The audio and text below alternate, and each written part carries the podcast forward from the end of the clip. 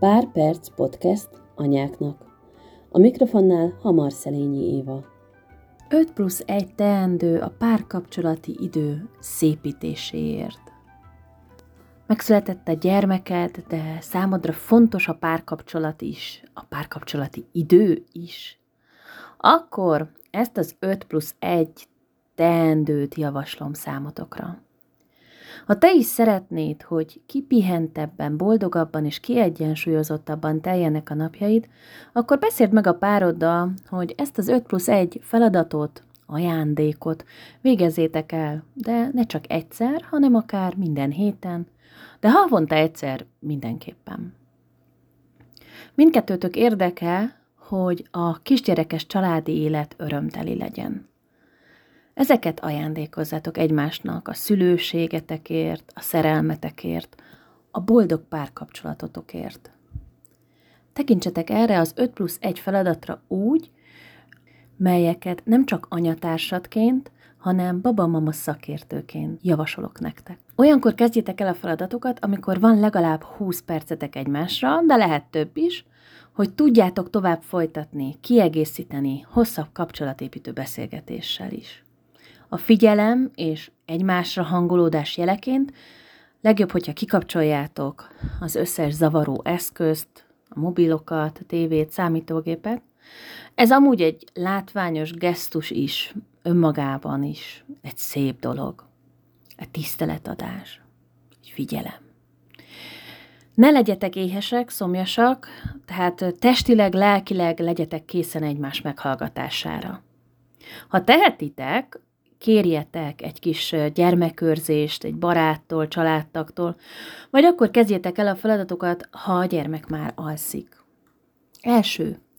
Figyelmes meghallgatás. Állíts be egy órát, öt percre, és kérd meg a párodat, hogy most csak rád figyeljen. Nem kell, hogy végig az arcodat nézze, de biztosan érezd a figyelmét.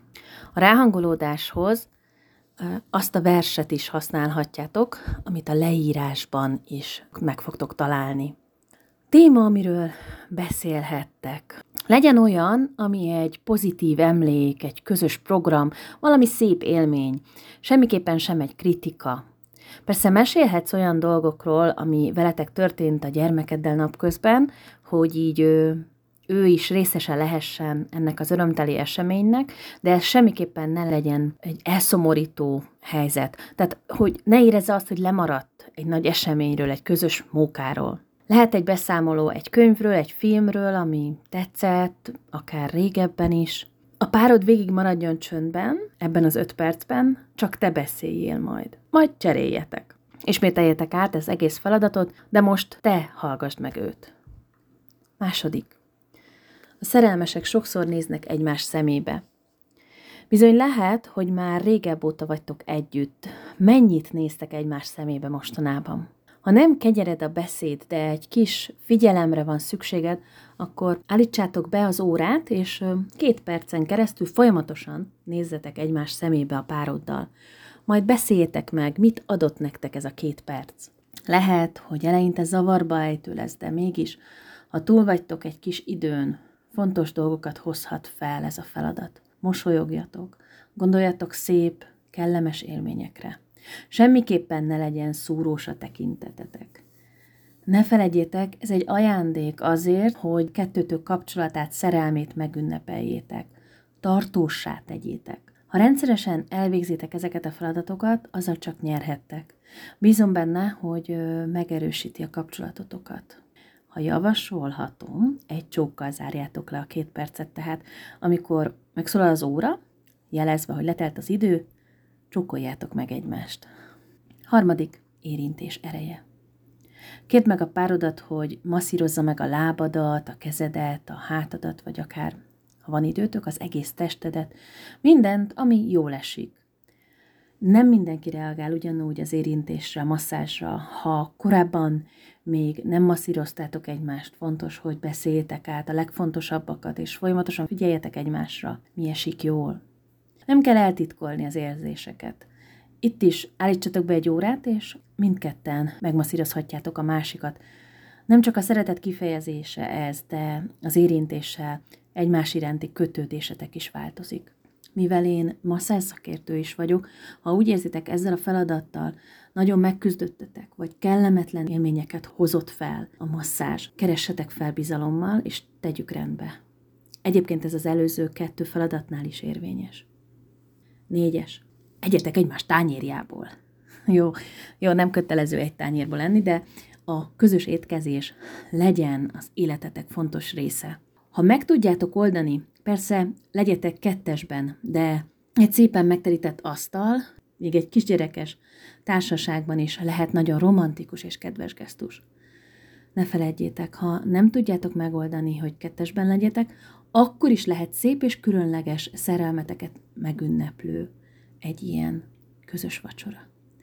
Szinte bármilyen étkezést különlegessé tehet egy elegáns teríték, egy szép abrosz, egy kellemes zene, vagy bármilyen egyéb díszlet.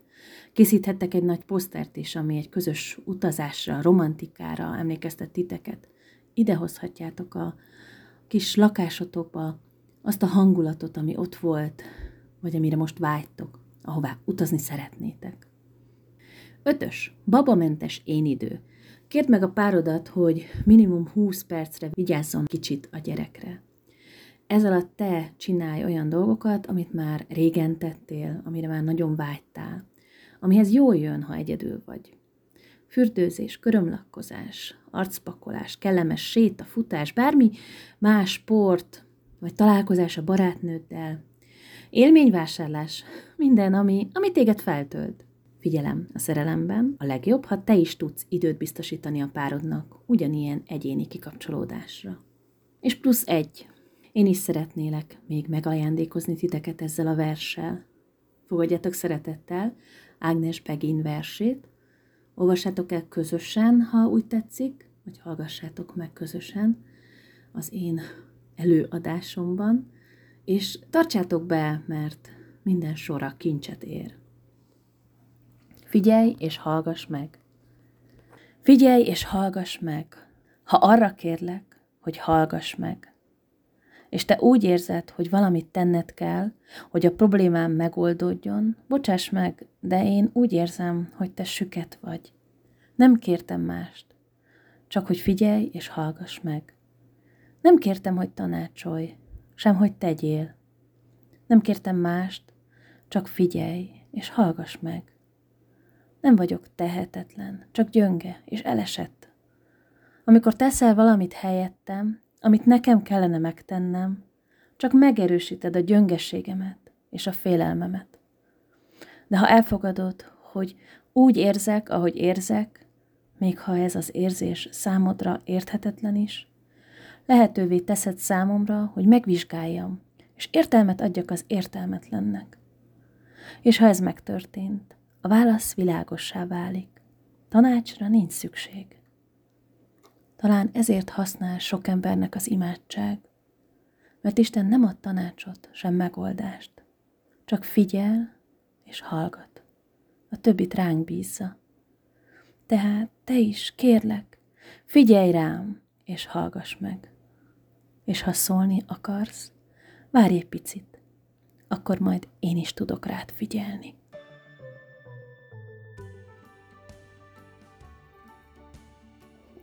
Ez volt a Pár Perc Podcast anyáknak. Én Hamar Szelényi Éva voltam, találkozunk a Szelényi Anya Akadémián.